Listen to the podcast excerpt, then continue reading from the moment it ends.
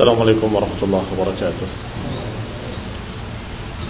إن الحمد لله نحمده ونستعينه ونستغفره ونعوذ بالله من شرور أنفسنا ومن سيئات أعمالنا من يهده الله فلا مضل له ومن يضلل فلا هادي له وأشهد أن لا إله إلا الله وحده لا شريك له وأشهد أن محمدا عبده ورسوله صلى الله عليه وعلى آله وأصحابه والتابعين وتابع التابعين ومن تبعهم بإحسان إلى يوم الدين.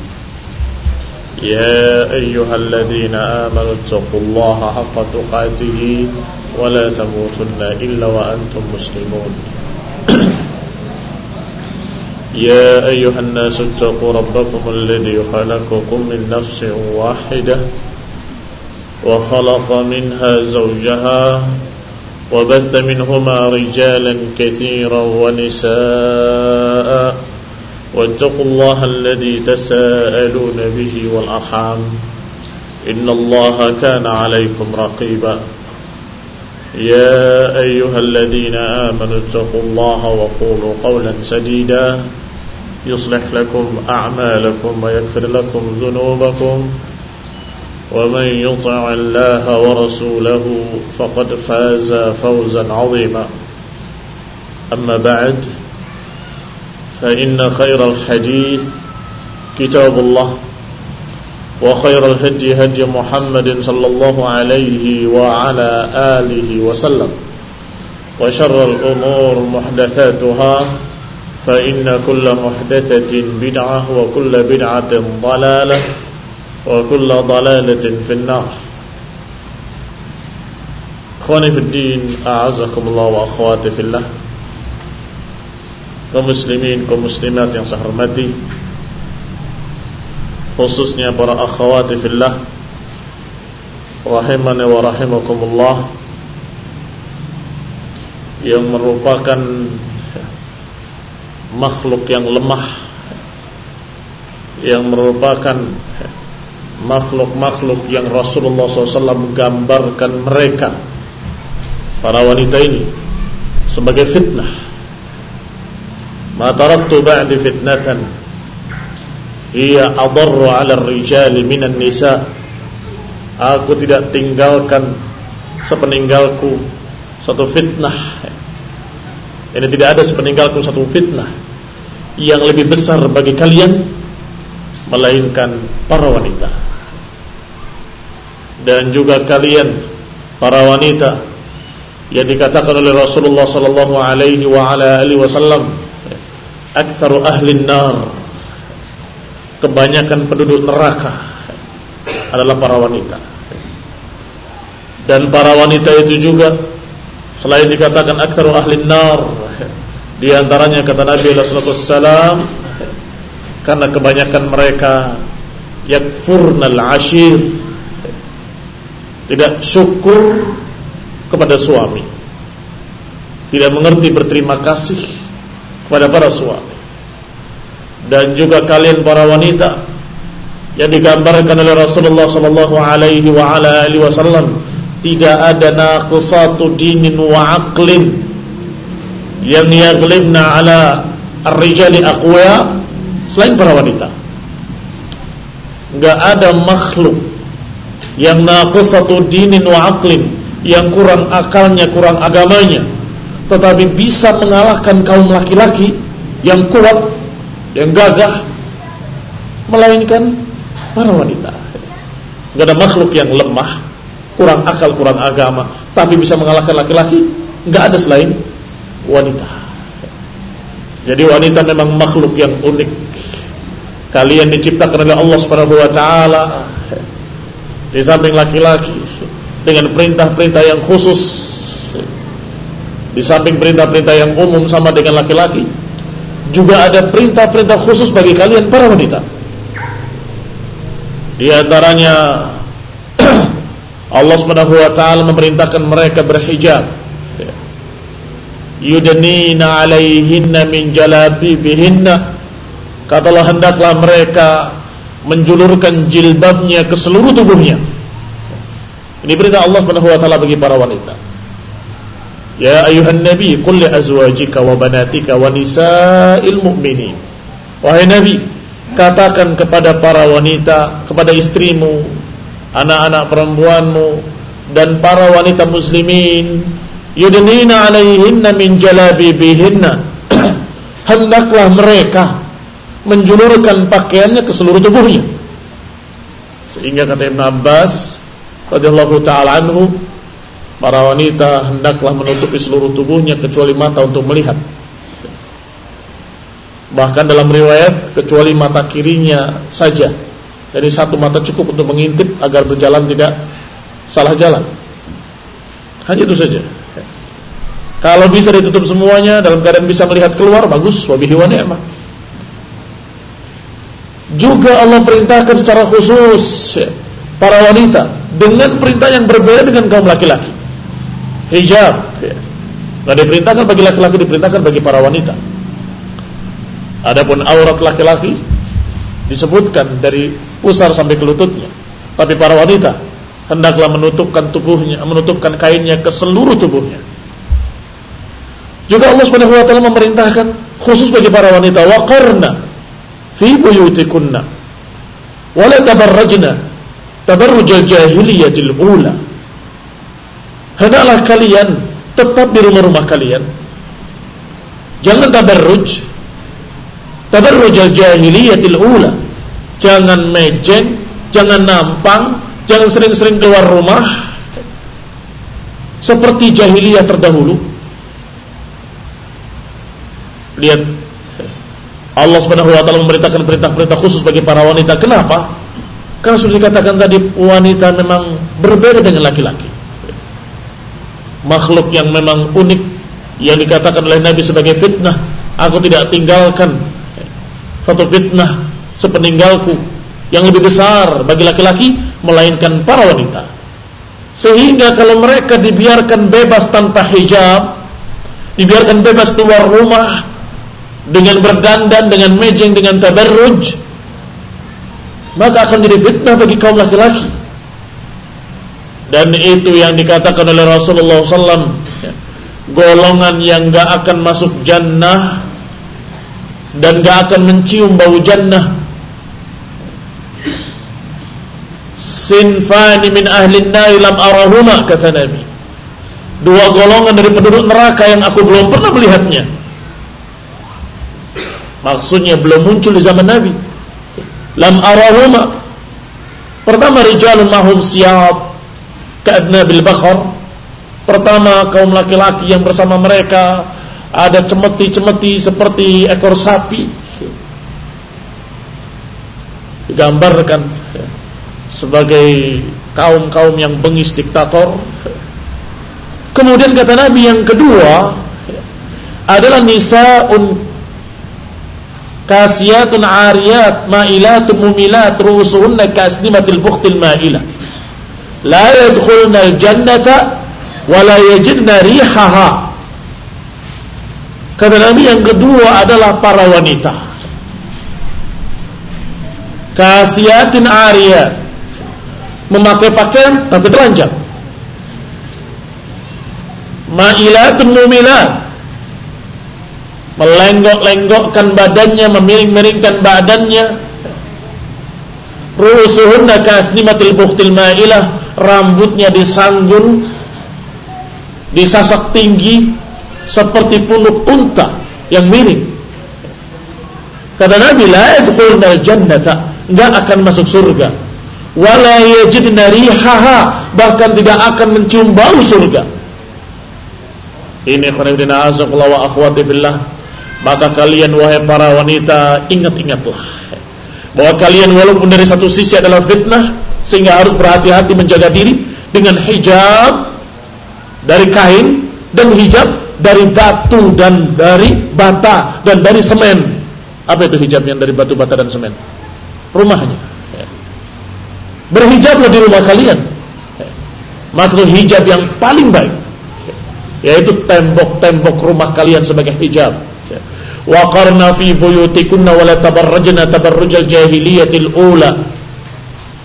Kalian tetaplah di rumah-rumah kalian. Jangan sering-sering keluar, jangan tabarruj. Seperti jahiliyah terdahulu. Dan Allah katakan ya ayuhan nabi kulli azwajika wa banatika wa nisa'il mu'minin katakan kepada istri-istrimu anak-anak perempuanmu dan para wanita kaum muslimin yudnina alaihinna min jalabibihinna kalau mereka terpaksa keluar hendaklah memakai hijab yang syar'i yang menutupkan ke seluruh tubuhnya. Agar jangan menjadi golongan yang tadi yang tidak akan masuk jannah dan tidak akan mencium bau surga. Yaitu nisaun kasiyatun ariyatun ma'ilatun mumilatun ru'usuhunna ka'asnimatil bukhtil ma'ilah yaitu para wanita yang pakai pakaian tapi telanjang. Artinya pakaiannya tidak menutup auratnya. Pakaiannya tidak menutup auratnya secara syar'i ada memakai pakaian tetapi ketat membentuk tubuhnya ada yang memakai pakaian tapi tipis menerawang tembus ke dalam tubuhnya ada yang pakai pakaian tetapi dalam keadaan sedikit minim. Ada yang pakai pakaian di satu tempat dibuka di tempat lain. Di luar pakai hijab, pakai kerudung, masuk pemandian umum buka kerudungnya pakai pakaian renang, eh, panjang.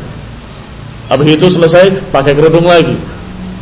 Kasiat, ariat. Demikian tafsir para ulama. Pakai pakaian tapi telanjang. Ada sekian makna. Pakai pakaian tapi tidak menutup auratnya, pakai pakaian tapi ketat, pakai pakaian tapi sedikit, pakai pakaian tapi tembus pandang, atau pakai pakaian di satu tempat dan dia melepas tempat lain. Lah apa gunanya pakai pakaian pakai hijab kalau mereka sudah tahu ketika kamu berenang di sana? Di pemandian umum. Demikian pula ma'ilatun mumilat. Melenggok-lenggokkan badannya. Berjalannya dibuat-buat. Dan sebagian lagi berjalannya berlenggak-lenggok karena terpaksa. Karena hak sepatunya sangat tinggi. Sehingga kalau jalan susah. Sebagian lagi terpaksa karena roknya sepantas banget dengan pahanya susah untuk bergerak itu semua sama Ma'ilatun mumilat ru'usuhunna ka'asnimatil bukhtar ma'ilah. Dan kemudian rambutnya yang disasak, didandani dengan sekian macam bentuk. Semuanya menjadi fitnah.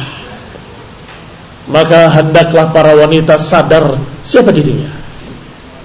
Bahwa dirinya adalah sebagai fitnah yang harus dijaga jangan sampai membuat fitnah laki-laki.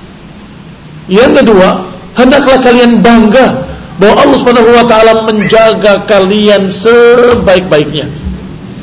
Allah perintahkan dengan sekian aturan adalah untuk menjaga kalian, untuk menghijabi kalian supaya kalian terlindungi, terjaga dari fitnah. Karena mereka-mereka yang memakai hijabnya, maka mereka akan dikenal sebagai wanita yang salehah. Kalau dia dikenal sebagai wanita yang salehah, mutadayyinah, yang beragama, masya Allah, sunniyah, salafiyah, maka niscaya orang-orang akan segan kepadanya, nggak berani mengganggu. Masyarakat pun akan paham bahwa ini bukan wanita sembarangan. Ini adalah wanita yang mahal harganya. Tidak boleh diganggu. Bukan wanita murahan. Tetapi kalau mereka-mereka sebagaimana digambarkan oleh Nabi yang Nabi waktu itu belum melihat tapi kita melihatnya dengan banyak, naudzubillah. Yaitu kasiatin ariyatin ma'ilatin mumilatin ru'usunna kaslimatil muftila muftil ma'ilah. Maka mereka itu sungguh murah. Wanita-wanita yang seperti itu adalah wanita-wanita yang murah harganya seperti jajanan pasar. Siapa saja bisa lihat siapa saja bisa pegang bahkan naudzubillah siapa saja bisa coba. Astagfirullahaladzim maka kalian wahai ahlus sunnah Kalian wahai wanita-wanita muslimah mukminah taqiyah, kalian adalah orang-orang yang dimuliakan oleh Allah Subhanahu wa taala. Orang-orang yang dijaga oleh Allah Subhanahu wa taala. Dan juga perintah khusus yang berikutnya bagi para wanita. Kalau laki-laki disuruh untuk bertebaran di muka bumi untuk cari maisha, sedangkan perempuan disuruh waqarna fi buyutikunna. Dan juga yang berikutnya para wanita diperintahkan untuk tunduk pada suaminya. Untuk taat pada suaminya. Untuk menghormati suaminya dan menjaga harta suaminya. Sebagaimana Allah Subhanahu wa taala menyatakan tentang para wanita.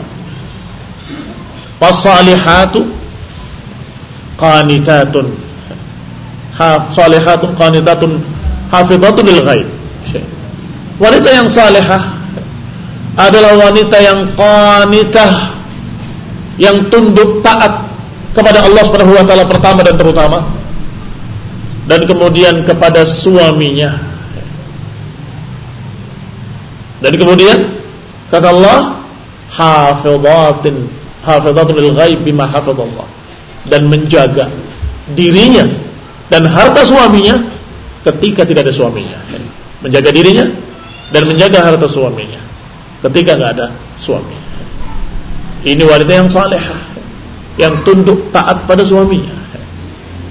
Sehingga dia ridha kalau suaminya berbuat amalan-amalan yang saleh beribadah kepada Allah pergi ke masjid, mendatangi kajian-kajian ilmu, bersedekah. Jangan sampai kalian para wanita menjadi majbanah wa mabkhalah. Jangan sampai kalian para wanita seperti anak-anak menjadi penyebab suaminya jadi penakut, menjadi penyebab suaminya menjadi pengecut, menjadi penyebab suaminya bakhil, menjadi penyebab suaminya kedekut, bakhil nggak mengeluarkan hartanya. Kenapa? Selalu ditegur istrinya. Ke mana kan uangnya? Oh disodakohkan. Disodakohkan. Kita masih kurang, anak kita masih begini masih begitu. Akhirnya suaminya takut kalau mau sodakoh, sembunyi-sembunyi. Astagfirullahaladzim. Jangan sampai menjadikan suami pengecut. Nanti kamu begini, nanti kamu kecelaka, nanti kamu begini. Akhirnya nggak jadi berangkat jihad fisabilillah. Nggak jadi, nggak jadi berangkat untuk dakwah fisabilillah. Nggak jadi berangkat untuk mencari ilmu kepada para ulama karena takut-takut oleh istrinya. Maka usikum Aku wasiatkan kepada kalian wahai para wanita jadilah seorang yang mendukung suaminya fi taatillah. Pendukung suaminya dalam ketaatan kepada Allah Subhanahu wa taala. Dan termasuk perintah yang lebih khusus pada wanita walaupun suami juga diperintahkan adalah mendidik anak-anak kalian. Al-ummu madrasatun. Idza a'adattaha adat adat tajilan tayyibal atra tibal a'raq ibu itu adalah sekolahan pertama kalau engkau persiapkan ibu untuk anak-anak kalian dengan baik maka berarti engkau menyiapkan satu generasi yang baik lihat di sini ucapan para ulama menyatakan bahwa ibu adalah sekolah pertama karena memang pertama yang akan dipelajari oleh seorang anak adalah dari ibunya. Sejak masih menetek, sejak anak masih di pangkuan ibunya sudah diajar. Ibunya mendiamkan anaknya sambil berdendang, ya mendidik anaknya untuk berdendang dengan nyanyian-nyanyian. Kalau mendidik anaknya dengan zikir, ya akan terbiasa dengan zikir. Kalau dia dalam keadaan mendidik anaknya sejak bayi dengan kebaikan-kebaikan, maka akan terbiasa dia dengan kebaikan-kebaikan. Berarti yang pendidik pertama untuk anak-anak adalah ibunya. Bapaknya sering keluar, memang tugas mereka di luar. Cari maisha, bekerja, berjihad bisabilillah, mencari ilmu, berdakwah dan seterusnya, berjuang bantu membantu untuk menegakkan agama Allah Subhanahu wa taala. Ini semua tugas mereka. Maka anak di rumah dengan ibunya. Maka al-aulad itu yang paling banyak dia berhubungan dengan ibunya sehingga bahasanya dijuluki dengan bahasa ibu. Kenapa? Karena anak itu akan ikut bahasa ibunya. Karena yang terbanyak diajak bicara oleh ibunya. Terbanyak bermuamalah, berinteraksi dengan ibunya. Maka kalian adalah pengaruh pertama pada anak tersebut. Hati-hati. Jadikanlah pengaruh pada anak-anak kalian adalah pengaruh yang baik Jadikanlah apa yang kemudian diturunkan pada anak-anak kalian adalah perangai akhlak yang baik, sikap yang baik, ucapan-ucapan yang baik dan seterusnya dan seterusnya. Demikian pula yang berkait dengan semuanya, laki-laki maupun wanita. Adalah adab az-zamalah. Adab bergaul tetapi saya sampaikan di sini pada kajian ini, kajian akhwat, karena memang banyak pelanggaran-pelanggaran terjadi di kalangan wanita. Walaupun di kalangan laki-laki terjadi, tapi lebih banyak di sana di dunia para wanita. Berkata Syekh Saleh atau Syekh uh, gurunya Syekh Ibn Utsaimin rahimahullah, Syekh Sa'di rahimahullah. Berkata Syekh Sa'di rahimahullah taala tentang adab zamalah. Sebagaimana alal muallim tawqir muallimihi wa adab ma'ahu fakadzalika aqranuhu wal muta'allimuna ma'ahu alayhi min mura'ati huquqihim wal adabi ma'ahum a'zam min huquqil ashab ba'dihim ala ba'd sebagaimana kita diperintahkan untuk menghormati guru-guru kita, ustadz-ustadz kita, para masyayikh, para ulama kita, kita juga diajarkan untuk beradab yang baik kepada saudara-saudara kita, sahabat-sahabat kita, khususnya teman dalam mencari ilmu.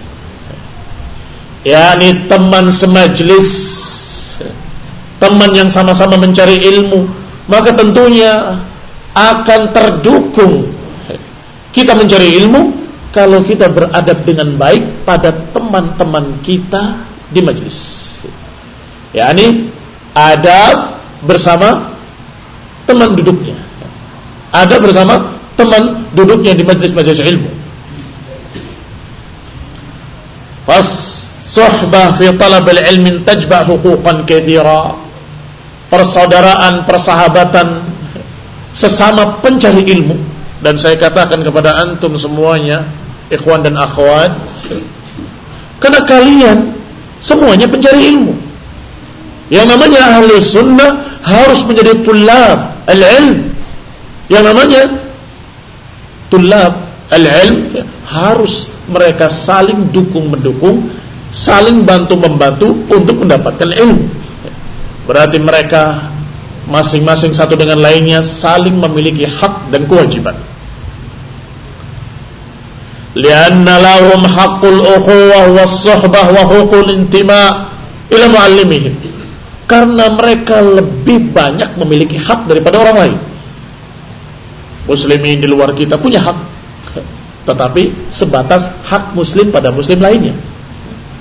Tetapi teman-teman di majelis ilmu di samping hak sebagai muslim juga hak sebagai saudara semajelis atau saudara teman sama-sama mencari ilmu dan juga saudara dan teman sama-sama meniti jejak ilmu yang sama atau guru yang sama pula maka ini tentunya lebih dekat lagi lebih dekat lagi maka ada hakul ukhuwah ada hakus suhbah ada hak alintima ila muallimihim.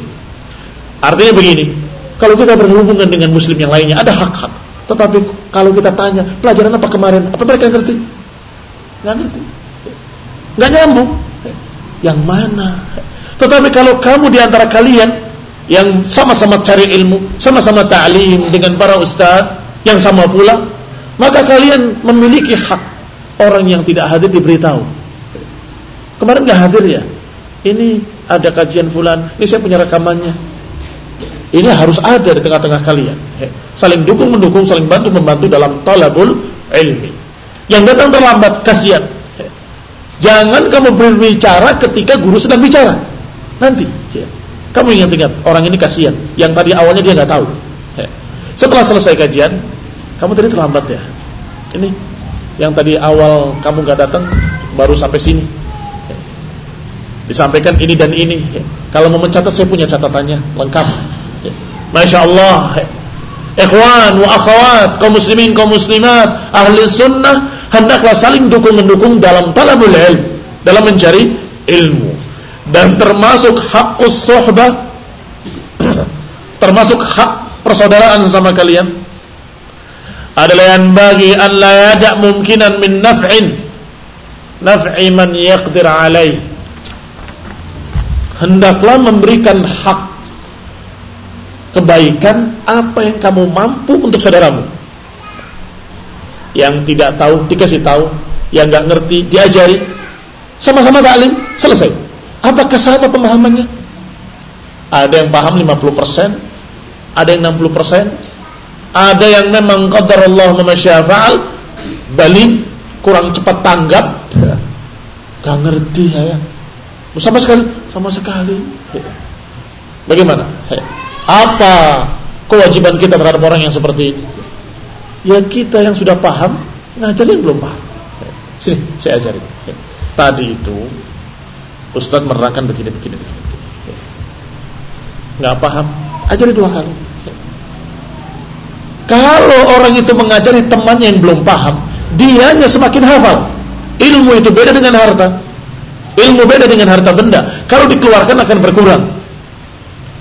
Tetapi kalau ilmu dikeluarkan bertambah bukan berkurang. Kamu ajarkan, apa berkurang ilmumu? Bukan, malah bertambah. Bertambah hafal, bertambah ingat. Tiga kali menyampaikan, semakin hafal. Empat kali, lima kali, ya semakin hafal. Masya Allah. Semakin banyak berarti ilmunya, semakin melekat, kuat pada hatinya. Wayan bagi an yakuna ijtima'uhum fi kulli waqtin ghanimah.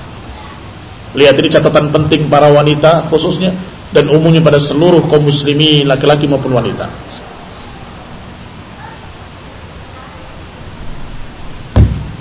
Hendaklah pertemuan-pertemuannya ketika kumpul ngobrol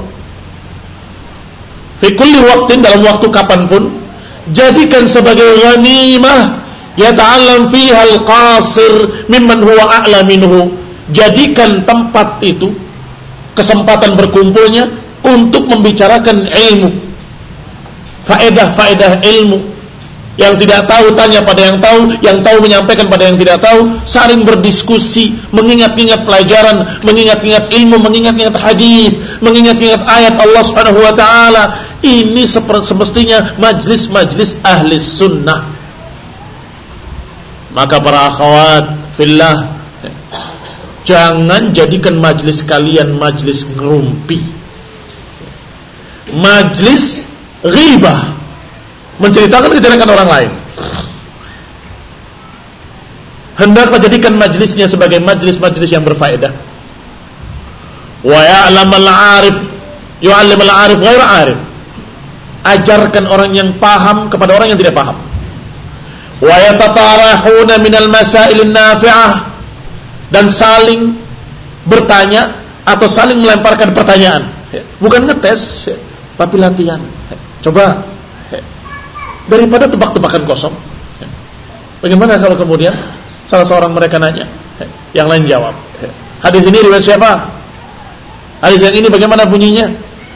Coba sekarang dalil tentang masalah ini liyahmilu hammahum ma'qudan ala ma hum bisadadi kata Syekh Sa'di rahimahullah agar majlis-majlis mereka bermanfaat dan agar majlis-majlis mereka terkait dengan tujuan utama kita hidup di dunia yaitu mencari keriduan Allah Subhanahu wa taala dan mempelajari ilmu agama agar kita bisa berjalan di jalan yang tepat dan benar.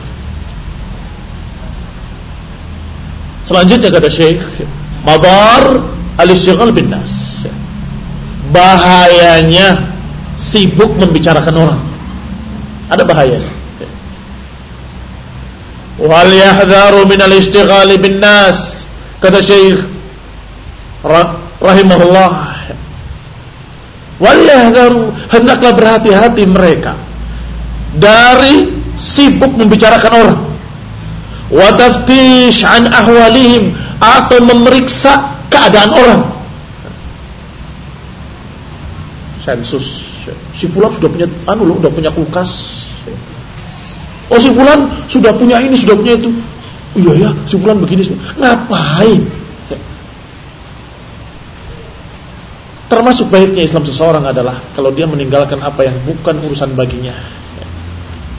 Min husnul Islamil mar ma la ya'ni.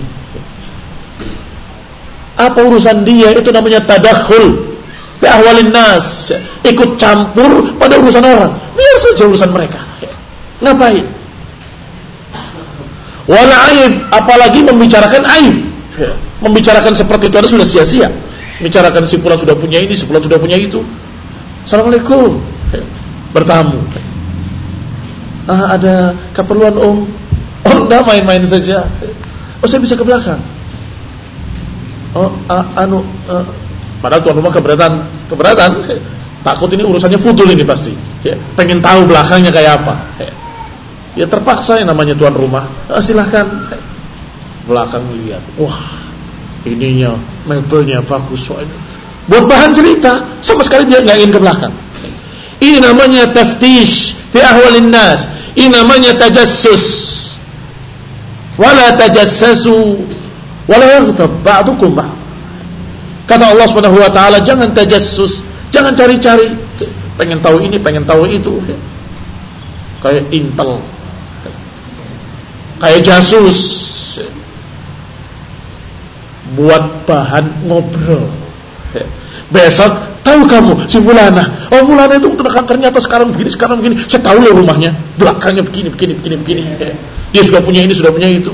Ngapain? Daripada kamu ngobrol seperti itu, yang orangnya belum tentu suka dibicarakan di sana, belum tentu suka dibongkar semua apa yang ada di rumahnya, belum tentu senang dia. Apalagi dalam keadaan diceritakan yang jelek-jeleknya. Tapi, ih, kotor. Misalnya, saya pernah masuk, ih, jijik begini begini begini. Astagfirullahaladzim. Jadikan majlis kalian wahai para akhwat billah Wahai para ummahat Wahai para wanita. Manfaatkan majlis-majlis kalian Bukan untuk ngobrol kosong Untuk ngerumpi, untuk ghibah Untuk menceritakan fulana wa fulana. Jadikan sebagai faedah-faedah ilmu. Tanyakan apa yang kemarin dibahas kamu gak hadir. Tanyakan apa yang kemarin dibahas kamu belum paham Kemarin itu saya ada yang belum paham Ganjil di benak saya. Tanyakan. Sehingga majlisnya majlis yang bermanfaat. Ketika ada seseorang yang datang ke perumahan, ah, perumahan? Ahli sunnah, perumahan akhwat yang sekian ratus kakak atau seratus kurang lebih lebih ya, kepala keluarga di sana. Ternyata banyak kasus-kasus akhwat, kasus begituan yang ini bermuasan dengan itu karena digibahi di sana, eh, karena berguna karena begini, macam-macam. Sampai orang tadi berkata, kok nggak ada bedanya ya? Perumahan salafin dengan perumahan orang umum sama saja. Bahkan sebagian perumahan-perumahan orang umum bahkan nggak seperti itu. Mereka nggak peduli. Ya ini masing-masing dengan rumahnya sendiri-sendiri. Hanya saja biasanya orang awam tidak pedulinya karena memang tidak peduli dan tidak ingin bantu ya. sehingga nggak mau tahu tetangganya nggak ada foto ya. ini sebaliknya ya. semua harus tahu jarum jatuh di rumahnya si fulana tahu dia ya. jarum jatuh tahu oh jarumnya si fulana jatuh ya. ini adalah satu perkara yang sesungguhnya nggak pantas terjadi di tengah-tengah akhwat ahli sunnah apalagi ikhwan iya kan kalau tengah-tengah ikhwan berarti dua masalahnya. Kesalahan yang pertama, yang kedua mirip akhwat. Dua kesalahannya. Satu sama dosanya tadi, ghibah juga dosa bagi laki-laki, sama dosa bagi perempuan. Dan seterusnya dan seterusnya. Plus ditambah, kok mirip akhwat? Gak pantas. Kok kayak perempuan isinya ghibah, ghibah ceritakan si fulan, si. Alhamdulillah. Ikhwan biasanya jarang yang demikian. Kenapa? Mereka sibuk dengan urusan-urusan yang penting yang mereka ditugaskan oleh Allah taala. Pertama, urusan agamanya. Urusan bagaimana dia bertanggung jawab di hadapan Allah terhadap istri dan anak-anaknya dalam masalah din dan kedua dalam masalah maisha yang juga bertanggung jawab. Maka mereka sibuk. Kaum muslimin, kaum muslimat yang saya hormati. Kata beliau kata Syekh As-Sa'di, "Fa inna dzalika itsmun hadirun." Karena membicarakan orang lain, apalagi membicarakan kejelekan-kejelekan mereka yang mereka tidak sukai, itu adalah dosa yang nyata. Dan dosa akan menghalangi ilmu. Dosa akan menghalangi ilmu. Maka ikhwan ibn azakumullah. Yang kedua atau yang ketiga, di samping menghalangi ilmu, juga dia akan menghalangi orang lain untuk mendapatkan ilmu. Bagaimana? Ada orang baru mau ngaji, duduk tengah-tengah akhwat. Ini cadar aja belum pakai, dia masih pakai kerudung aja. Melihat bagaimana perangai mereka, seperti seperti itu. Besoknya nggak mau ngaji lagi, ngapain? Kok seperti itu? Ini kan jadi fitnah. Jadi fitnah. Menghalangi orang lain untuk mencari ilmu. Tetapi kalau ahli sunnah dengan akhlaknya ahli sunnah, maka insya Allah perangainya sudah dakwah. Adab dan akhlaknya sudah mengajak mereka kepada fadilah. Apalagi plus menyampaikan ilmu. Masya Allah, menyampaikan pada mereka tambahan-tambahan ilmu. Maka ini adalah sesuatu yang kebaikan di atas kebaikan. Al-qanaah bil yasir yang juga penting bagi para wanita adalah merasa cukup dengan apa yang ada. Merasa cukup dengan apa yang ada adalah qanaah dan qanaah adalah sifat mulia yang diajarkan oleh Rasulullah sallallahu alaihi wa ala alihi wasallam. Merasa cukup apa yang diberikan oleh suami, merasa cukup dengan apa yang diberikan oleh Allah melalui tangan suami. Jangan dikira kalau apa yang diberikan suami itu seakan-akan bukan pemberian Allah, kemudian boleh diprotes, kok cuma segini, kok begini, kok begitu. Itu pemberian Allah. Kalau ditanya suami mana yang pengen sedikit ngasihnya? Iya kan? Gak ada. Semuanya ingin memberikan yang terbaik, maunya. Tetapi kadang-kadang berhasil mereka usaha, kadang-kadang gagal. Kadang-kadang mereka mendapatkan banyak, kadang-kadang mendapatkan sedikit. Kadang-kadang bahkan tidak mendapatkan sama sekali maka hendaklah para wanita sabar dan qanaah, merasa cukup dengan apa yang Allah berikan. Saya ulangi, merasa cukup dengan apa yang Allah berikan melalui tangan suami. Alhamdulillah, tidak apa-apa. Kita cukup kok dengan ini saja. Masya Allah. Menjadikan Allah subhanahu wa ta'ala cinta kepadanya, ridho kepadanya dan juga menjadikan suami kalian semakin cinta kepada kalian. Iya kan? Ketika kalian membawa dalam keadaan sedih, ya, karena sedikit, ya, ternyata diterima dengan gembira, nggak apa-apa, alhamdulillah. Kita cukup kok dengan ini, cukup kok dengan itu. Apa nggak nggak senang suami? Ya. Semakin tinggi cintanya. Ya. Dan kalau suami cinta kepadanya, masya Allah itu adalah suatu kebahagiaan. Kebahagiaan bagi suaminya dan kebahagiaan bagi istrinya. Maka dikatakan oleh Rasulullah SAW, hati-hati, perhatikan dirimu. Bagaimana kedudukannya terhadap suamimu? Lihat dirimu terhadap suami. Fa innahu jannatuki wa naruki, atau kama qala sallallahu alaihi wa ala wasallam. Karena suamimu itu adalah surgamu dan nerakamu. Kalau kamu menjadikan suamimu begini dan begitu, jadi neraka, maka ya kamu sendiri yang merasakan nerakanya. Ya, mengerikan. Kalau kamu menjadikan suamimu ridho, kamu sendiri akan mendapatkan kebahagiaannya. Ya ini jannahmu dan narmu di dunia ini, ya suamimu. Maka lihat dirimu terhadap suamimu, bagaimana? Kalau menjadikan suamimu ridho, kamu akan merasakan bahagia. Kalau menjadikan suamimu dalam keadaan tidak ridho, marah, nggak suka, jengkel, apa jadinya? Rumah terasa panas. Dia nggak tenang di rumah, gelisah. Yang ada di pikirannya bagaimana saya cari istri baru. Iya pak, iya pak ya. Jadi aku saja. Aku saja. Emang nyatanya demikian. Kenapa? Karena memang apa yang terjadi pada mereka ketika tidak meridhokan suaminya, tentunya suami berpikir bagaimana bisa mendapatkan yang lebih soleh dari dia, yang lebih baik dari dia, yang lebih ridho kalau diberi dengan sedikit. Kalau muslimin yang saya hormati. Hanya saja sebagian mereka nggak berani, sebagian mereka berani kan begitu untuk taat. Tapi pikirannya ada, pikiran tersebut. Lo terus marah-marah.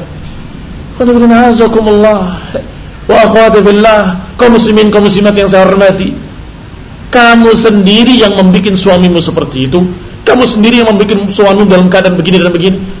Berikan apa yang terbaik untuk suamimu. Harapkan keridhaan Allah Subhanahu wa taala dan kemudian keridhaan suami. Dan kemudian artinya di bawah harapan kita kepada Allah Subhanahu wa taala itu yang terutama dan utama. Jadi keridhaan Allah. Dan kemudian keridhaan suami. Masya Allah kalau suami wafat dalam keadaan ridho terhadap istrinya Ini masalah yang sangat tinggi kemuliaannya bagi seorang wanita Wanita meninggal dalam keadaan suaminya ridho kepadanya Maka dia dalam keadaan baik Meninggal dalam keadaan baik Para wanita itu Masya Allah Walaupun dari satu sisi sebagai fitnah Tapi sisi lain wanita itu sangat mudah Dimudahkan oleh Allah untuk masuk jannah untuk masuk surga digampangkan oleh Allah Subhanahu wa taala. Para wanita idza salat khamsaha wa samat syahraha wa ata'at ba'laha Para wanita kalau sudah salat lima waktunya, sudah puasa yang wajibnya, kemudian taat suaminya, maka silakan masuk dalam jannah min ayyi abwabi thamaniyati sya'at silakan masuk ke surga dari pintu mana pun yang delapan silakan Silahkan pilih. Hanya disebut tiga.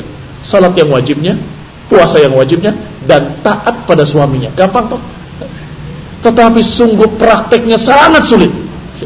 Karena gangguannya dari para syaitan sangat banyak. Syaitan-syaitan dalam bentuk jin dan syaitan-syaitan dalam bentuk manusia. Syaitan dalam bentuk jin dan syaitan dalam bentuk manusia. Jinnya membisik-bisikkan, kamu kok terima saja begini dan begitu? Kenapa? Nggak protes.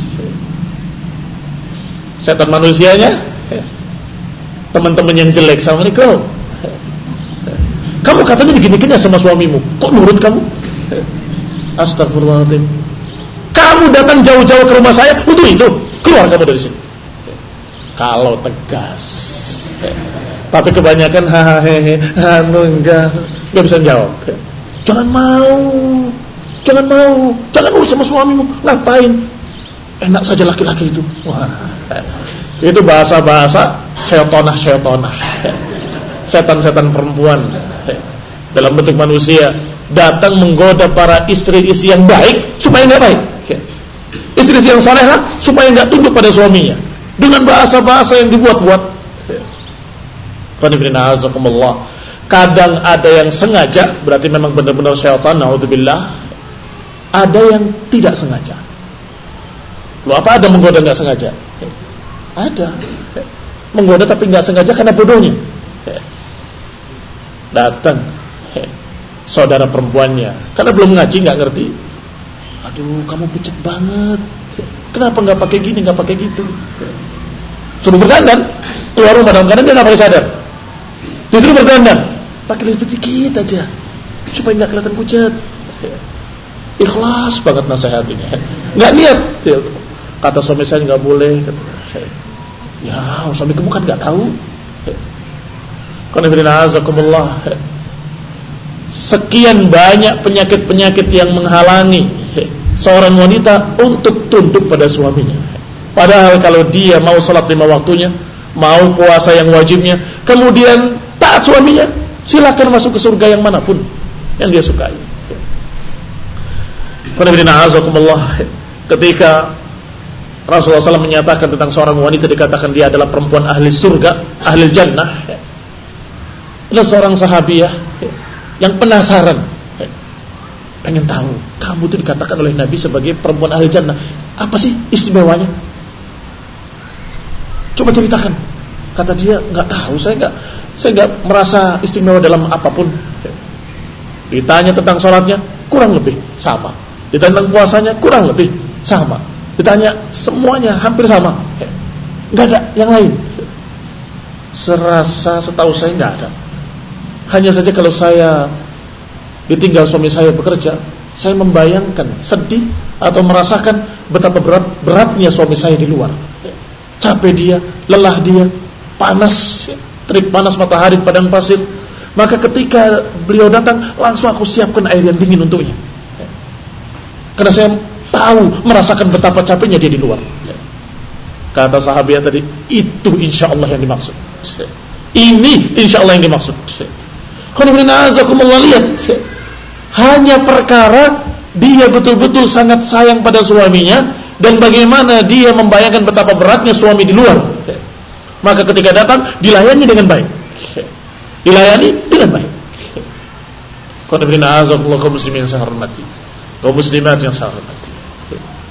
Perkara ini sungguhnya secara teori gampang, air putih berapa harganya? Iya kan? Tapi bukan itu yang jadi masalah. Bagaimana perhatiannya pada suaminya? Yang dalam keadaan dia pontang-panting cari Aisyah untuk diri dan untuk dirinya dan keluarganya, untuk istrinya dan keluarganya. Kasihan.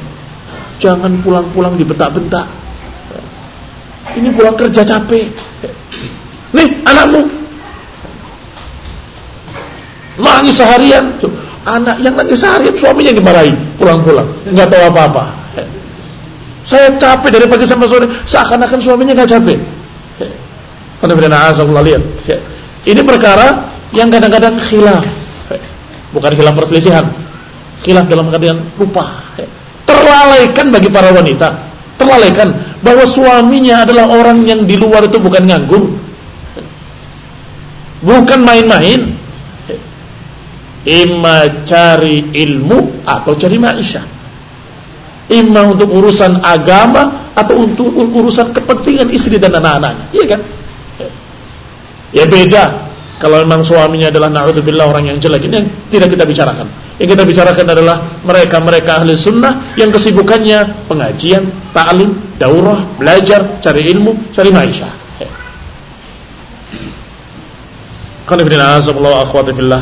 Maka dikatakan di sini hendaklah seorang wanita memiliki sifat qanaah, merasa cukup dengan apa yang Allah kasih, dengan apa yang Allah berikan, sehingga Allah akan kasih barakah.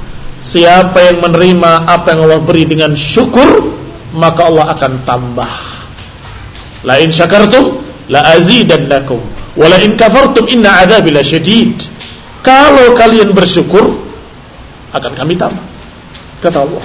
Tapi kalau kalian kufur, inna adzabi lasyadid. Sesungguhnya adabku sangat berat kata Allah. Sangat dahsyat. Hati-hati. والاقتصاد والقناعة من أكبر العوامل لحصل اشتغال الدنيوية وإقبال المتعلم على ما هو بصدده selain itu qanaah merasa cukup dengan yang sedikit dan merasa cukup dengan apa yang ada ini akan menjadikan kesibukan dia lebih fokus pada ilmu agama dan pada akhiratnya. Iya kan? Kalau dia merasa cukup dengan apa yang ada, maka pikirannya nggak sibuk di situ. Pikirannya sibuknya dengan ilmu agama, kajian dan juga apa yang akan kita dapatkan di akhirat nanti kita berupaya sekarang itu yang dipikirkan. Tetapi kalau naudzubillah dituangkan kepadanya harta yang melimpah, belum tentu dia tetap ingat kepada akhirat. Sebagian besar bahkan terlalaikan dari akhirat. Ketika seorang sahabat pedagang yang kaya datang ya, dari luar negeri dari perdagangannya, tentunya pulang dengan membawa harta. Ya. Itu biasa perdatangan para sahabat-sahabat yang miskin yang fukara. Biasa begitu. Ya memang biasanya mereka sedekah datang berkumpul. Rasulullah SAW melihat para fukara datang ini tersenyum. Tersenyum karena tahu mereka ini mengharapkan ya, pemberian.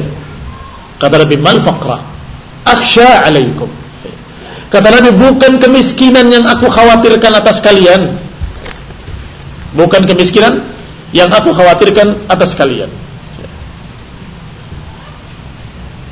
Apa yang dikhawatirkan berarti? Justru yang aku khawatirkan dituangkannya harta kepada kalian sabda. Aksya khawatir akan dituangkannya kepada kalian harta dunia. Hatta la yazigu qalba ahadikum illahi hingga tidak menyimpang tidak sesat hati salah seorang kalian kecuali karena harta tersebut. Oh kama kalau sallallahu alaihi wasallam. Seperti ada yang terlewat yaitu kata Nabi, "Akhsha justru yang aku takutkan adalah antufrud alaikumud dunya." Dituangkan kepada kalian dunia. Fatanafasuha kama tanafasuha.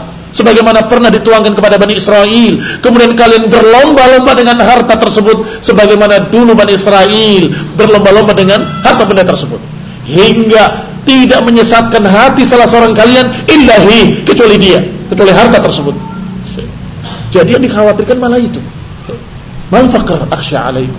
Bukan kemiskinan yang aku khawatirkan, tapi yang aku khawatirkan kalau kalian dituangkan kekayaan kemudian kalian sesat, itu aku khawatir. Ini bukan berarti dia boleh kaya, silahkan. Tetapi kekhawatiran Nabi harus diperhatikan.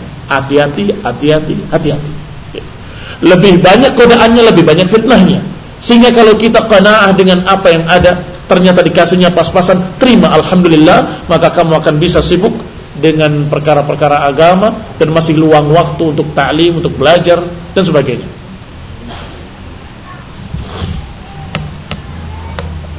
Barakallahu fikum. Asal taufiq wal afiyah. Nasal hidayah lana wa lakum wa li jami'il muslimin. Subhanaka wa bihamdika la ilaha illa anta astaghfiruka wa atubu ilaik. Assalamualaikum warahmatullahi wabarakatuh.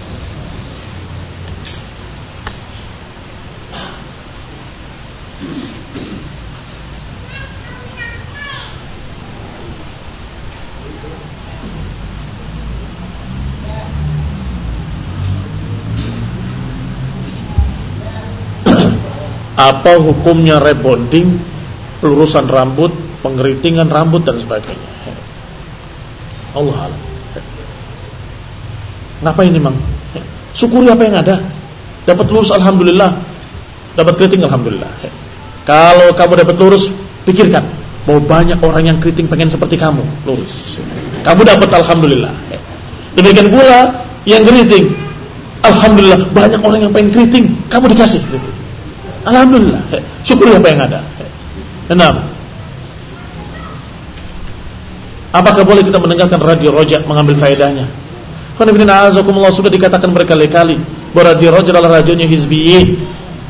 Karena qaimina fi sebagian orang-orangnya adalah orang-orang hizbi, sururi yang mereka dalam keadaan tidak suka kepada beberapa ulama dengan alasan-alasan yang mereka buat-buat dengan ucapan-ucapan yang miring Nah, mereka pilih-pilih ulama yang mereka sukai, mereka masukkan. Mereka yang tidak ulama yang mereka tidak sukai, mereka cerca. Ya dengan halus bahasanya. Ya tapi kan dia tidak mengerti keadaan kita. Dia terlalu begini, terlalu begitu. Kalau mau belajar mencari ilmu, cari faedah, di kaset-kaset banyak, di CD-CD banyak, dalam kitab-kitab banyak, di majelis-majelis ilmu juga banyak. Ngapain? Yang di roja itu di setel itu kaset juga. Lah ngapain daripada kaset? Lah kaset di rumah kamu. Kaset para asatidah ahli sunnah atau masyayikh ahli sunnah yang diterjemahkan oleh para asatidah, masya Allah, alhamdulillah. Bagaimana hukum menyemir rambut yang belum seluruhnya beruban? Yang diharamkan adalah warna hitam. Menyemir rambut dengan hitam itu haram hukumnya. Yang lain saya tidak tahu larangannya. Wallahu taala alam. Apakah boleh menasikahi diri? Bagaimana menasikahi anak yang sudah besar? Lewat dari tujuh hari. Nah pernah ditanyakan beberapa ulama seperti Syekh Suhaimi pernah ditanya untuk menasikahi anak yang sudah besar. Ya. itu dikatakan boleh oleh beliau. Wallahu taala alam. Yang jelas sunnah tasbihnya dia tidak dapat. Sunnah tasbih itu sunnah hari ketujuhnya. Harusnya hari ketujuh, tapi ini tidak. Karena waktu itu belum mampu atau apa. Maka dia mendapatkan pahala nasikah tetapi tidak seperti keutamaan yang mentasbihnya pada hari ketujuh atau yang mengerjakannya pada hari ketujuh. Wallahu taala a'lam. Nasallahu alaihi wa sallam. Subhanaka wa bihamdik. Wassalamualaikum warahmatullahi wabarakatuh.